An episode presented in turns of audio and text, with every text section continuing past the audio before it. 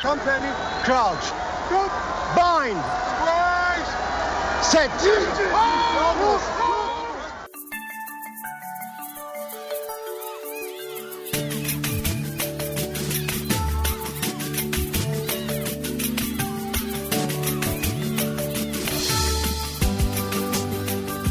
Episode 2: Die geskiedenis van die Web Alice trofee.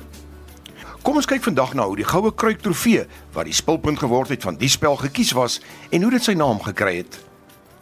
Nadat gestem was om 'n wêreldbeker toernooi aan te bied, het die administrateurs besef hulle moet 'n trofee kry, so sokker die Jules Rimet trofee gehad het voordat dit gesteel is in 1983 en nooit teruggevind is nie, en daarna die FIFA wêreldbeker trofee.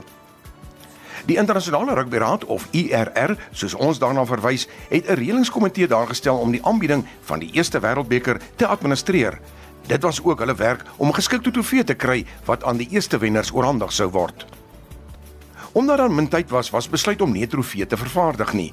In steede daarvan het John Kendall Carpenter, voorsitter van die reëlingskomitee, en kommentator Bob Wayhill, die sekretaris van die IRR, en beide van hulle voormalige Engelse voorspelers dit op hulle geneem om 'n trofee te soek. Hulle het 'n eksklusiewe winkel in die stad van Londen besoek om te sien of hulle daar een sou kry. Hulle bestemming was Garrard, die kroonjuwelier in die modearea en in Regentstraat. Richard Jarvis, die besturende direkteur van die maatskappy, het 'n trofee uit die kluis gebring en dit aan die twee mans gewys. Die trofee was handgemaak in Garrard se werkwinkel in 1906 'n Victoriaanse weergawe van 'n beker soos die ou tydse 1740 goud en silwer een deur Smith Paul Laramie. Sy ouers was Franse hugenote wat na Londen gevlug het en 'n winkel in Soho geopen het. Die twee manne daarvan gehou en dit tussen mekaar aangegee en bekyk. Wat hulle in hulle hande gehou het, was 'n trofee in silwer en versier met goud en dit was 38 cm hoog met twee handvatsels. Daar was verskeie figure uitgebeeld op die trofee wat ingesluit het 'n bebaarde masker, 'n leeumasker, 'n nimf en 'n wingerdstok.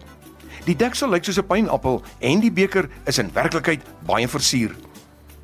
Maar Kendall Carpenter en Wayne het gehou van wat hulle gesien het en het dit aan hulle mede-amptenare gewys. Uiteindelik het Ronnie Dawson van Ierland, Keith Rowlands van Wallis, Bob Stewart en Dick Little van Nieu-Seeland en Australië se Nick Shahadi en Ross Turnbull goedkeuring verleen aan hulle keuse. Hulle noem dit die Webb Ellis Trofee en laat die naam William van die veronderstelde stamvader van rugby weg uit die naam. Garrard dateer terug na die eerste helfte van die 18de eeu en het sy koninklike verbintenis van die begin af.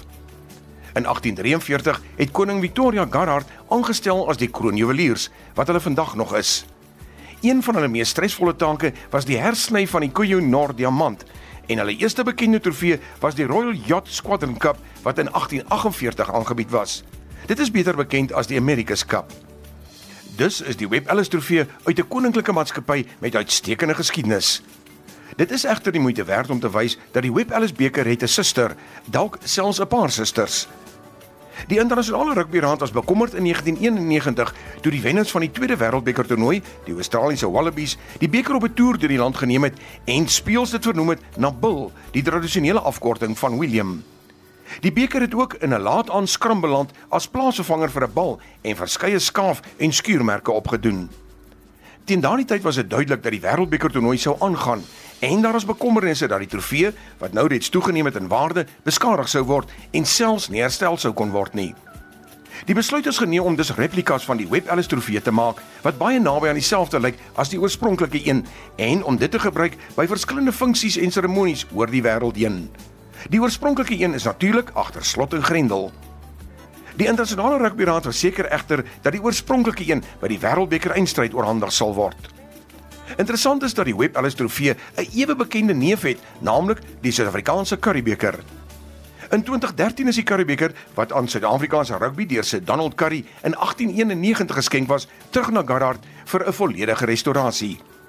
Die handvatsel wat beskadig was, is herstel en die goue politoer het die trofee weer in volle glorie herstel. En as jy kyk na die twee trofee, is daar wel ooreenkomste. In die volgende segment van die Wêreldbeker reeks kyk ons na die eerste toernooi wat in Australië en in Nieu-Seeland in 1987 aangebied was.